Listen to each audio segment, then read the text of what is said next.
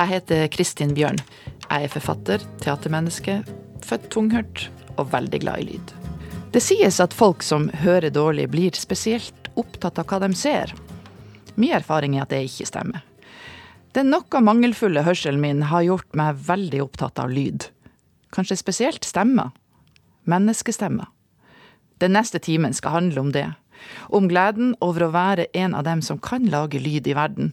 Som kan høre og bli hørt og høre til. Som min venn og nabo Anneli Drecker her i låta 'Oceans Organ' fra 2015. An organ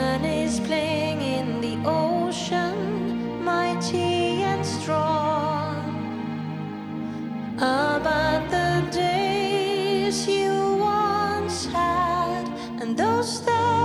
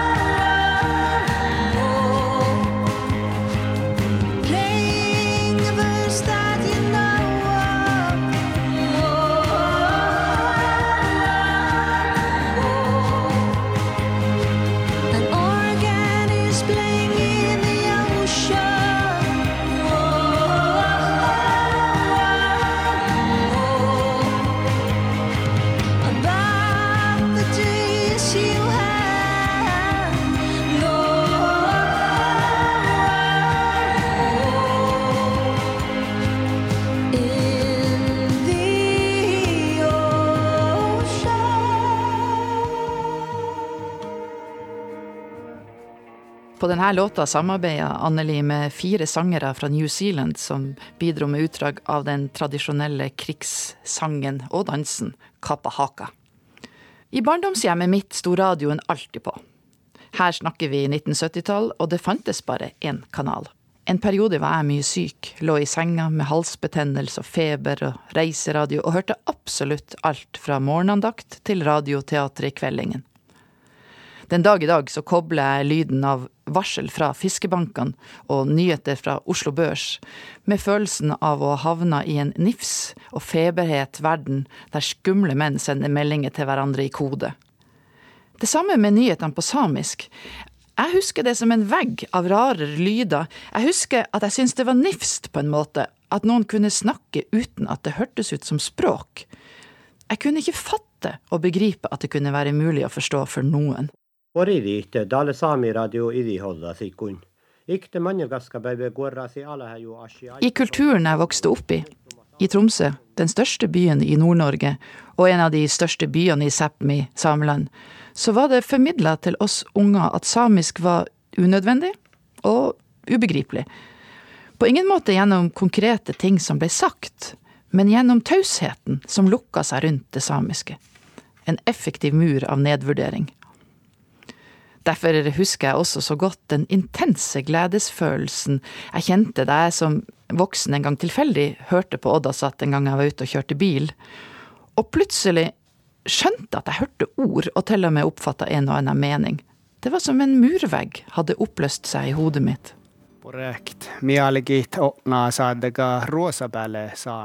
Da jeg var tre år, oppdaga foreldrene mine at jeg ikke reagerte når de ropte på meg. Jeg kunne sitte noen meter unna, dypt konsentrert om byggeprosjekter i sandkassen, og de fikk ikke kontakt med meg. Mora mi påstår at de aldri vurderte om jeg hadde autistiske trekk.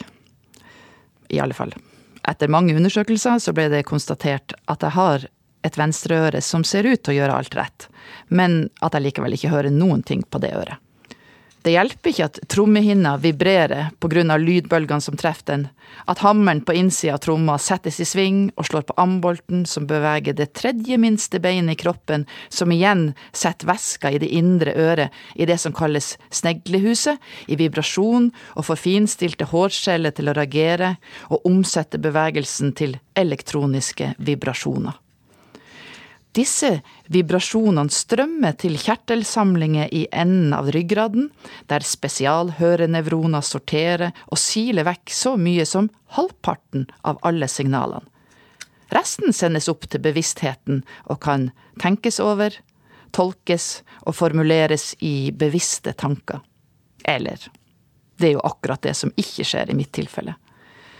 Et eller annet sted på veien mellom venstreøret og enden av ryggmargen så er det full stopp. Bølgene slår, og tromma dirrer, og hammeren banker til ingen nytte. Det er helt stille fra den kanten. Denne halvdøvheta medfører en del misforståelser og god dag mann økseskaft-samtaler. Jeg har aldri hørt stereo, for eksempel. Jeg kan heller ikke retningsbestemme lyd. Det som gjør at du hører hvor lyder kommer fra, er forskjellen i tid, fra lyden treffer det ene øret til det treffer den andre, og på grunnlag av denne forskjellen så regner hjernen ut avstand og retning. Det kan ikke jeg. Og det medfører naturlig nok en god del forvirring, f.eks. For når mobilen ringer og jeg ikke aner hvor jeg la den. Men alt i alt kan jeg ikke si at jeg savner dobbelt ørelivet. Jeg vet ingenting om det. Jeg setter umåtelig pris på min lydverden, og jeg er helt sikker på at jeg ikke hadde vært et lykkeligere menneske med to ører. Her er en stemme som har vært med meg lenge, Natalie Maines og gruppa Dixie Chicks med låten Wide Open Spaces.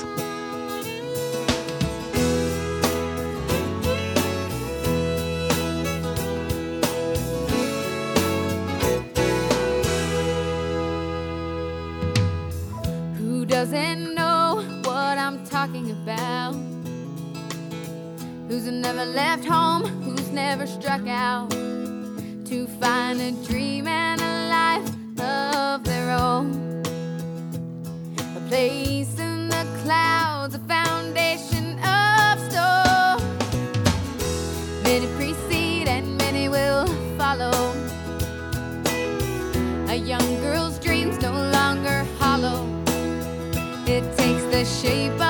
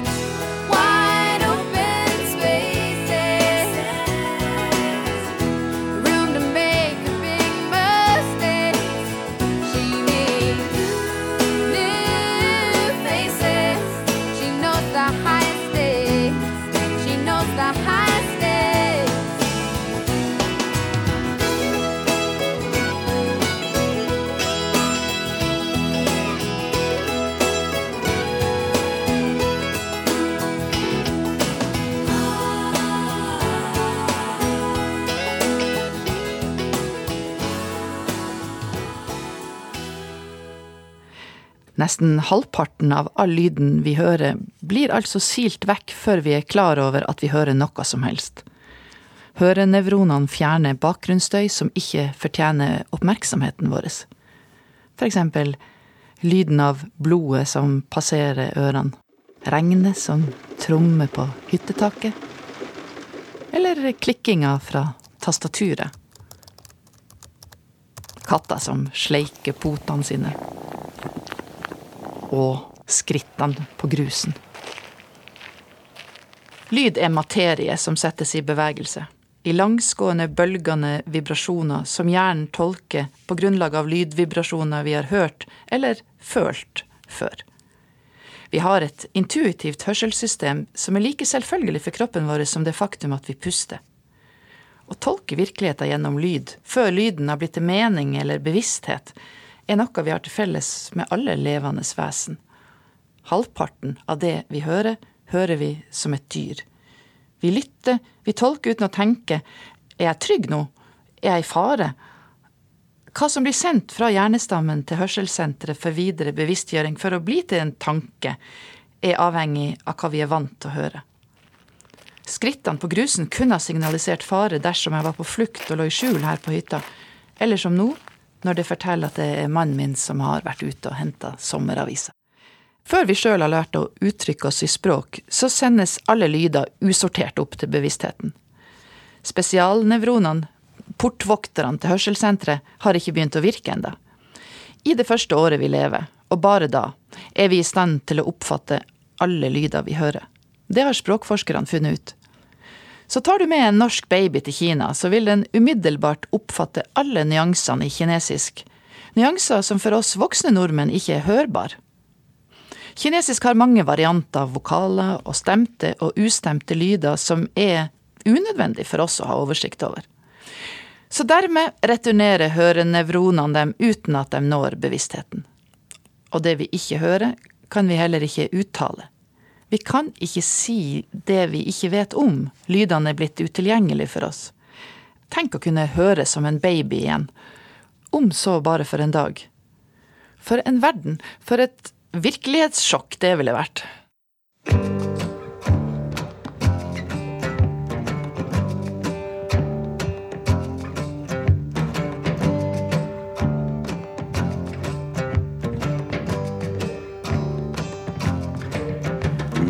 stranja kartina parni Ile velika onanje čas Mijema sam duše, ohta muhto kopakema Manne tam päivä, tam päivä se on jes palva Tetto je ulos,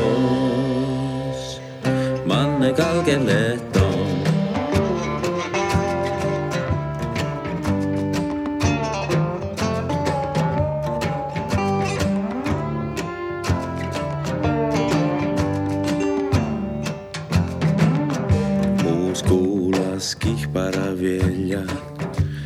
meille velka on annijas. Ison kaltiede manneli par kaike velke ona päivä. Tam päivä se on jes palva, tettoje vuulos. Justa liutin lähmo.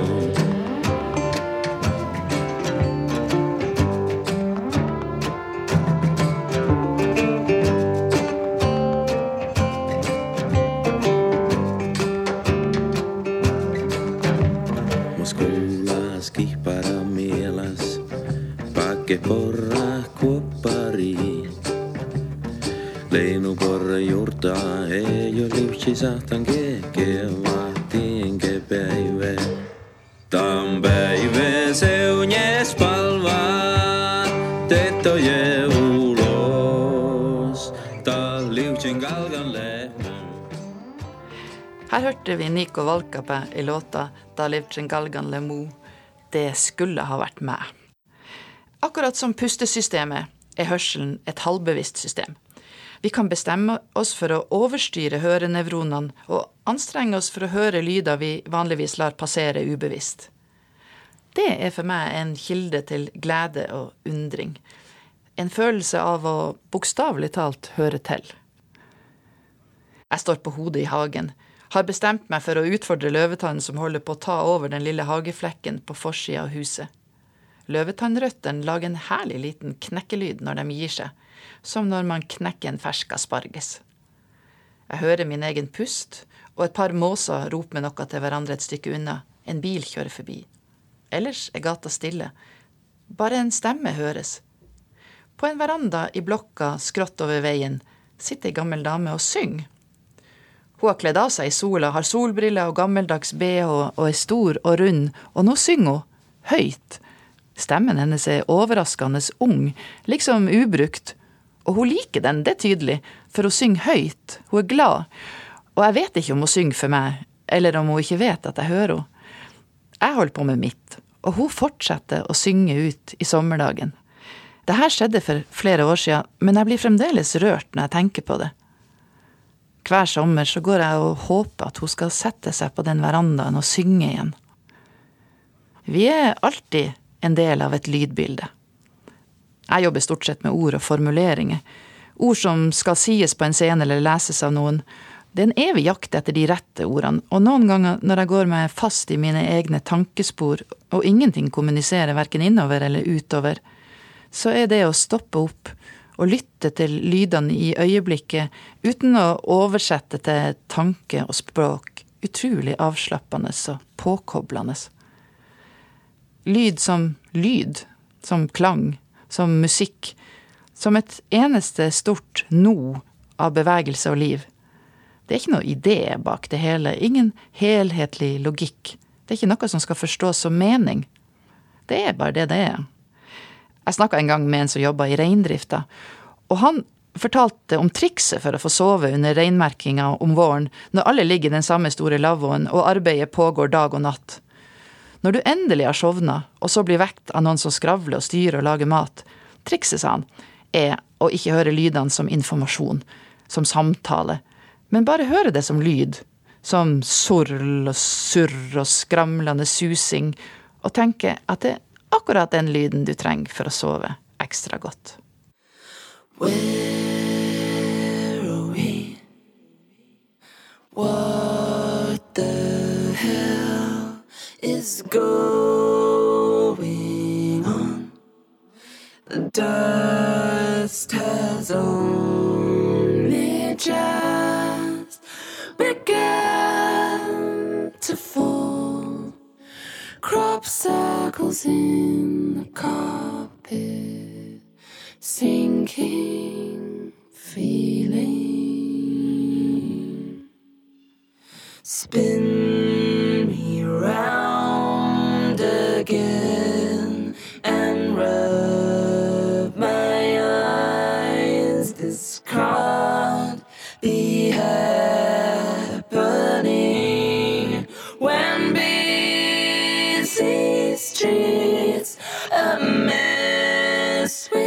people would stop to hold their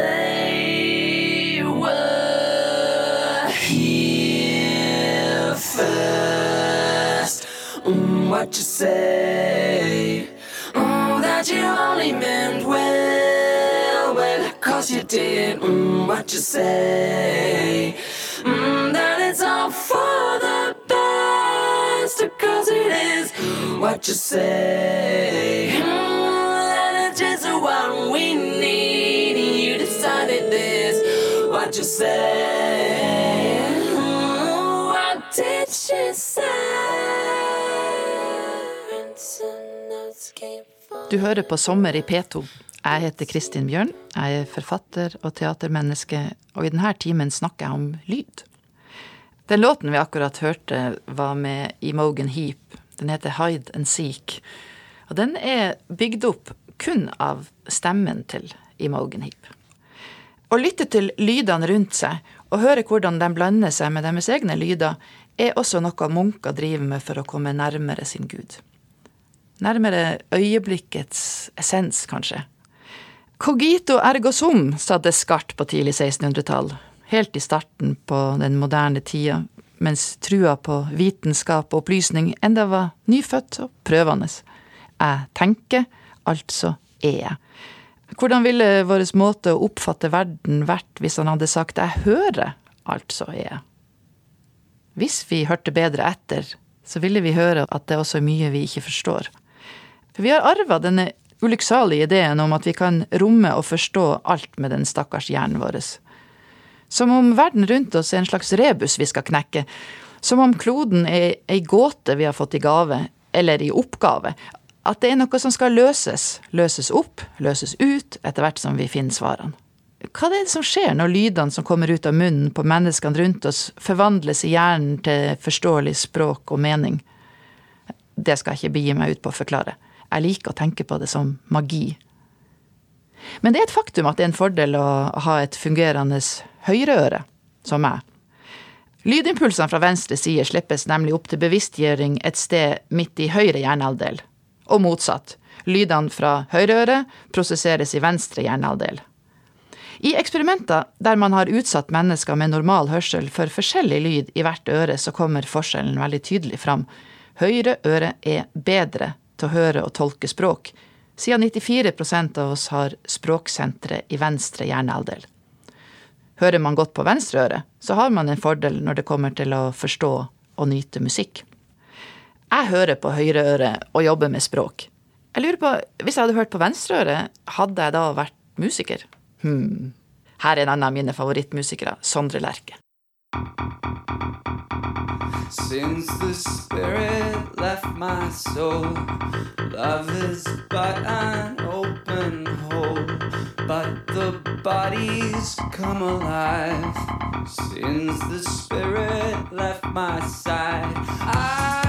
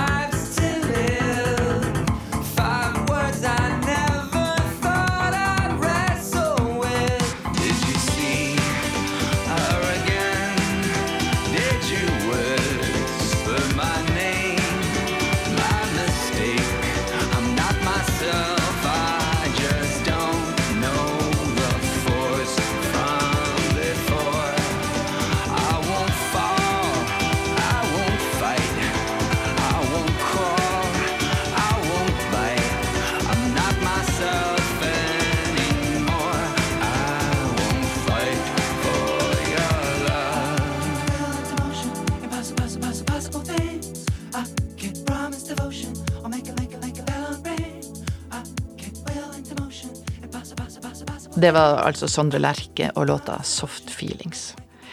Som seksåring tilbrakte jeg ei uke på sykehus. Hver dag ble jeg fulgt av en sykepleier, en ny sykepleier hver dag, gjennom de lange underjordiske gangene til lydlaboratoriet. Hun åpna de doble dørene og lukka meg inne i rommet med skumgummi som så ut som eggekartong på veggene. Følelsen av stillhet var som tung vatt rundt kroppen. Det var vanskelig å puste, så stille var det. Dama i hvitt dukka opp utafor vinduet, hun rørte på munnen og pekte på øretelefonene, jeg tok dem på meg, og fikk beskjed om å trykke på en rød knapp hver gang jeg hørte en lyd. Så forsvant hun ut av syne. Jeg trykka i vei. Jeg følte lydene i venstreøret som varm pust. Blei dem dype nok, vibrerte hele hodet, og av og til hadde jeg følelsen av å bli stukket av nåler. Når det ikke skjedde noe, trykka allikevel. likevel. Vi snakka jo på en måte sammen, jeg og dama i hvitt der ute. Så kom stemmen hennes i øretelefonene igjen. Jeg fikk beskjed om å bare trykke når jeg faktisk hørte noe. Lettere sagt enn gjort. Pust, lyd, stikk eller dirring. Samma det. Det er mange måter å høre på, og jeg ville absolutt ikke være alene i det nifse rommet. Seinere fant jeg to knep for å fikse livet som eneste tunghørte i gata eller på skolen. Enten ved å sjefe over de andre, eller å dilte etter og gjøre akkurat som de andre. På barneskolen sjefa, og på ungdomsskolen dilte jeg. Ei enkel oppskrift som ikke alltid fungerte optimalt. De her erfaringene fra ytterkantene til flokken har i alle fall lært meg én ting. Jeg klarer meg ikke alene. Jeg trenger folk med bedre ører enn meg, spesielt til å høre farer som kommer brått på fra venstre. Nifse insekter eller trikker i full fart. Jeg hadde for eksempel ikke sittet her i dag hvis ikke han litt slitne karen med knekk i knærne i enden av Storgata i Oslo hadde grabba tak i meg og dratt meg inn på fortauet med kommentaren 'Trikken stopper for ingen' den gangen på tidlig 90-tall. Vi hører det vi er vant til å høre. I Tromsø er det få trikker. En venn som flytta fra Nesodden til Tromsø, sier at han har samme opplevelse hver mai. En morgen så våkner han med strålende sollys inn på soverommet og har kasta dyna i løpet av natta fordi det er godt og varmt, så hører han lyden av naboen som klipper plenen med den gamle dieselklipperen sin. Eller, vent litt, det er noe som ikke stemmer, og så våkner han helt og skjønner at det er snøfreseren han hører. Her er Mari Boine og låten 'Today Starts Now' fra den siste plata hennes 'See the Woman'. Where does time find you in the morning left behind you? See those footprints, see those footprints in the sand. Well, I see those footprints. I see those footprints in the sand.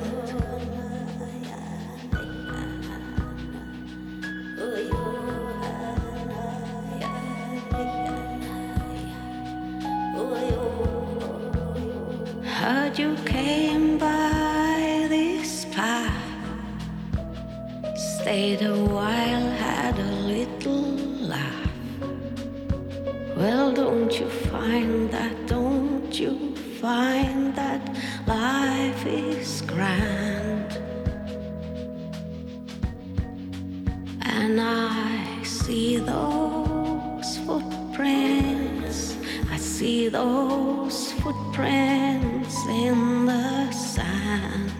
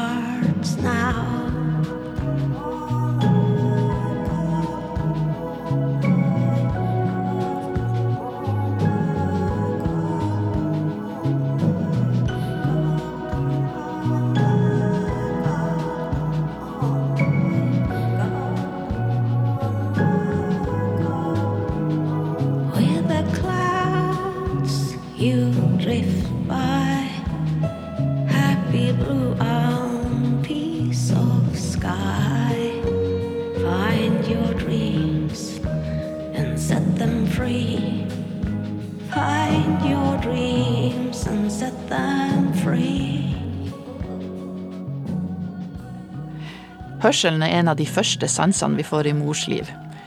Foster kan faktisk kjenne igjen foreldrenes stemme allerede fra 26. svangerskapsuke.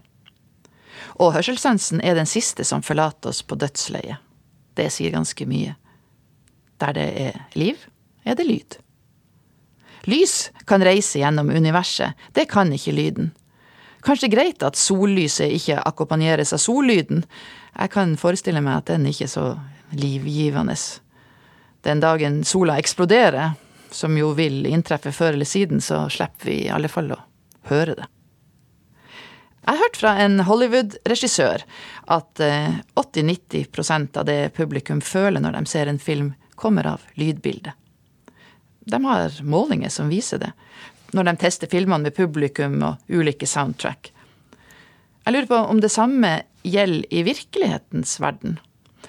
Er 80-90% av det vi føler, noe som kommer av lydene vi hører?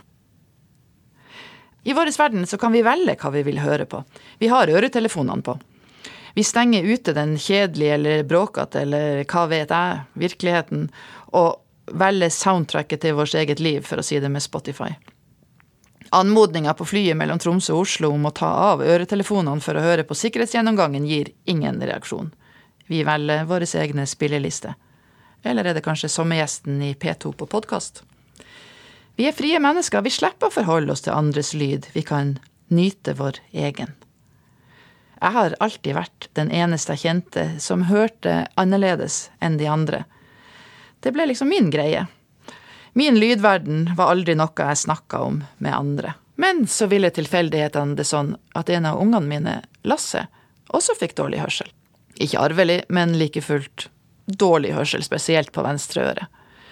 I hans tilfelle medførte det noen smertefulle operasjoner. En ørekirurg åpna hodeskallen bak øret for å komme til i det indre øret og skrape vekk forkalkninger som hindra trommehinna, hammeren, ambolten og stigbøyla i å bevege seg som de skulle. Etter operasjonen hadde han en kjempebandasje og hørte så godt som ingenting. Han var fem år og kunne bare høre lyder som var helt nært. Intenst vondt hadde han òg. Mens vi venta på at sårene skulle gro og smertene skulle gi seg, så lagde han ei liste over favorittlyder og sendte meg ut for å ta opptak. Kjøttmeislyden som han likte så godt å høre på når han gikk til barnehagen. Lyden av biler som kjørte forbi på våt asfalt. Lyden av istappene som dryppa. Dette var i mars, og alt dette var lyder han så gjennom vinduet, men som han ikke kunne høre inni bandasjen sin. Når han fikk opptak av dem, kunne han høre dem når han fikk høyttaleren helt nært. En følelse av påkobling til verden som hjalp veldig på humøret. Og så ville han ha lyden av bestekompisen som fortalte en vits og lo av den sjøl. Bestekompisen som brukte å svare når beskjeder ble gitt som Lasse ikke fikk med seg. Jeg hører for han Lasse. Her kommer Lasse sitt favorittband fra den gangen, Hoppalang Knut, med låta Feilkalibrert tidsmaskin. Til minne om den sommeren han gikk på sommer-SFO, og vi spilte Hoppalang Knut på fullt i bilen hver dag på vei til og fra.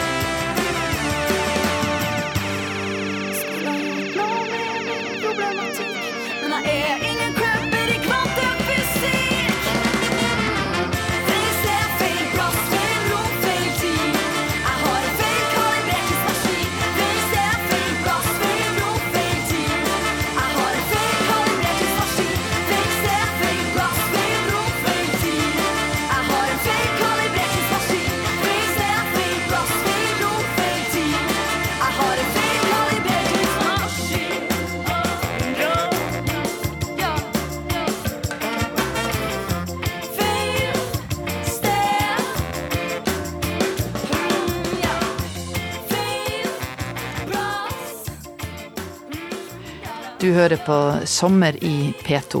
Jeg heter Kristin Bjørn, er forfatter og teatermenneske, og i denne timen snakker jeg om lyd. På Facebook-feeden min dukker det ofte opp videoer av nyopererte babyer med hørselsskade som hører sin mors stemme for første gang. De smiler fra øre til øre mens mor og leger og publikum på sosiale medier gråter. Men dem som opererer inn den nyskapende digitale hørselen, kan jo egentlig aldri vite hva den som blir operert, hører. Samspillet mellom teknologi og hjerne må læres og bygges. Hjernen må trenes til å tolke den teknologien som er operert inn. Ungen må få et lydminnebibliotek knytta til det han eller hun faktisk hører. Dagens moderne digitale hørselskirurgi gjør at antallet helt døve mennesker stuper. Men antallet med hørselshemming øker. Maskinbråk og storbyliv og for høy musikk på øret får skylda for det. Det blir altså færre og færre som hører ingenting, og færre og færre som hører alt. I stedet blir vi flere og flere som hører det vi vil høre. Friheten til å velge lydbilde gjør at vi føler verden helt forskjellig. Jeg lurer på hva som skjer med vår opplevelse av verden hvis vi ikke klarer å tolke den lydverden vi faktisk har felles. Vil vi i framtida bare høre de stemmene vi bevisst slipper inn i the soundtrack of our lives? Eller er vi der allerede? Her er i alle fall en av de viktigste stemmene i mitt livs soundtrack, Johnny Mitchell. Rose and flows of angel hair and ice cream castles in the air and feather canyons everywhere. Looked at clouds that way. But now they only block the sun. They rain and they snow on everyone. So many things I would have done. But clouds got in my way.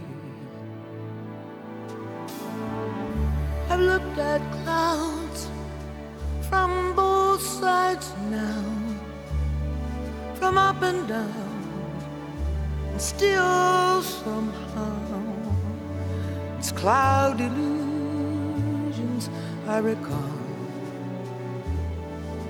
I really don't know clouds.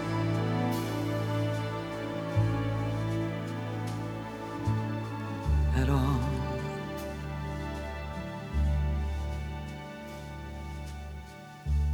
moons and Junes and Ferris wheels. The dizzy dancing way that you feel as every fairy tale comes real. I've looked at love that way. But now it's just another show and you leave them laughing when you go. And if you can, don't let them know. Don't give yourself away. I've looked at love from both sides now, from give and take, and still somehow it's love's illusions that I recall. I really don't know love.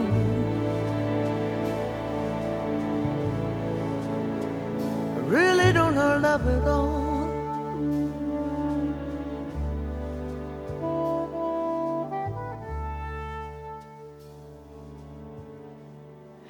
Lyd er individuelt emosjonelt på en helt annen måte enn bilder er det. Vi oversvømmes av bilder, rørende, emosjonelle nyhetsbilder, men vi vil helst ikke ha lyd på dem. 95% av oss ser Facebook-videosnutter uten lyd. Og det er ikke bare fordi vi snikkikker mens vi egentlig skulle gjort noe viktigere. Det er også fordi lyden er plagsom. Vi oversvømmes av voldsomme og emosjonelle bilder. Alle katastrofer i verden dokumenteres av bilder av unger som har det vondt. Men å få den emosjonelle lyden som hører til, ville blitt altfor mye. Lyden av den gråtende fotografen som filmer den lille gutten som blir skylt på land etter å ha drukna på flukten over Middelhavet.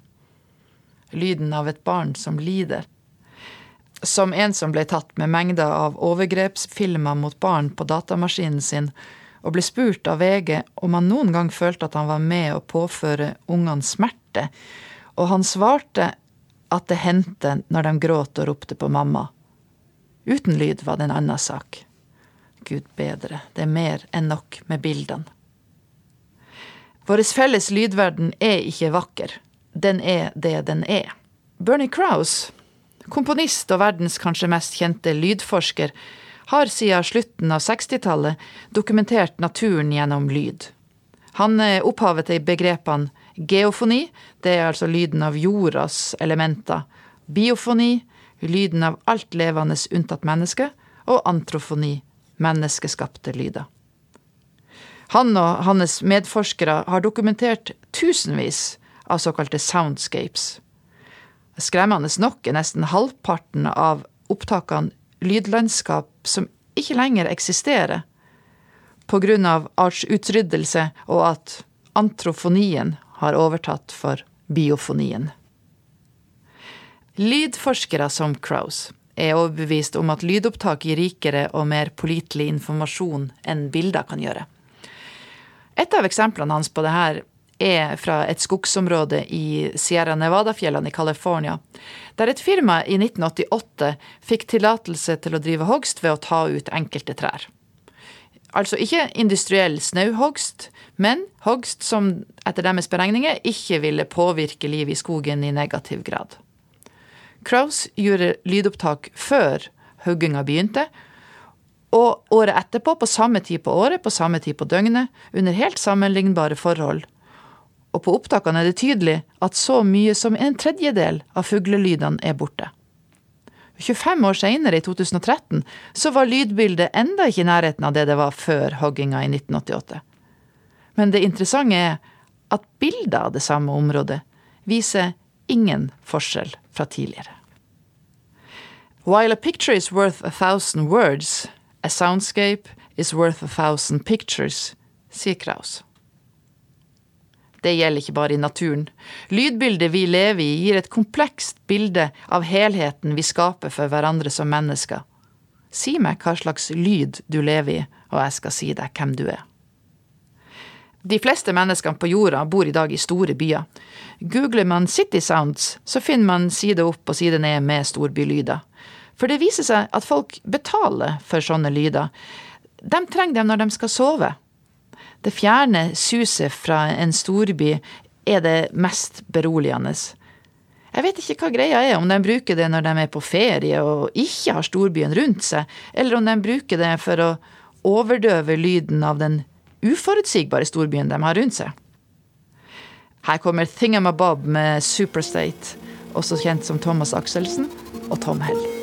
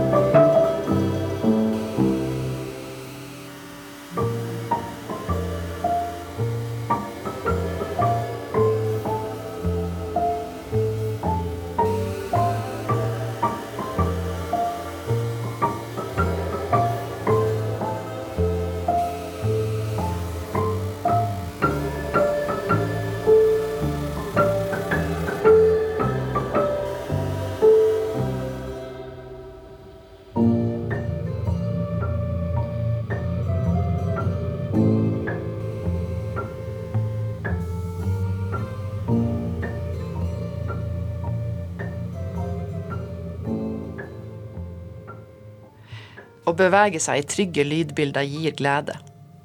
En vennegjeng eller en familie har sine tilvante lydmønster. Stemmene våre er tilpassa hverandre. De er tilpassa i tonehøyde, i volum, i rytme. På sitt beste er det ingenting å tenke over, det bare er. Alle er i det. Vi er alle selvfølgelige medskapere i stemmeorkesteret. Andre ganger er det en irriterende stemme som dominerer fullstendig og gjør lydbildet slitsomt og kjedelig for alle andre enn seg sjøl. Det er godt å høre til i en flokk som lager rett lyd. Har du hørt om turtaking?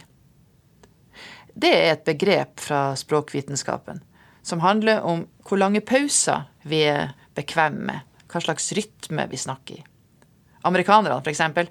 opplever umiddelbart ubehag dersom det oppstår pauser i en samtale. Spørsmål og svar henger tett sammen. I en samtale har alle ansvar for å tette alle hull. Turtakinga går lynfort. Pauser er et tegn på at man ikke finner tonen, at man ikke liker hverandre, ikke finner hverandre interessant nok. Finlenderne er i motsatt ende av skalaen. Der kan det gå mye tid i skiftet mellom samtalepartnere. Ikke noe stress med turtakinga. Ingen finlendere finner det pinlig. Pausene er en selvfølgelighet, en tillitssak. Den som ikke kan være stille sammen, er ikke ordentlige venner. I Norge var vi mer finsk før, nå er vi mye mer like amerikanerne. Hører man på gamle NRK-opptak, er det slående hvor mye saktere folk snakker, og hvor lange pauser de tar. I en god flokk så kjenner vi hverandres rytme og stemme og tilpasser oss den. Det er sårt når vi oppdager endringer vi ikke ønsker.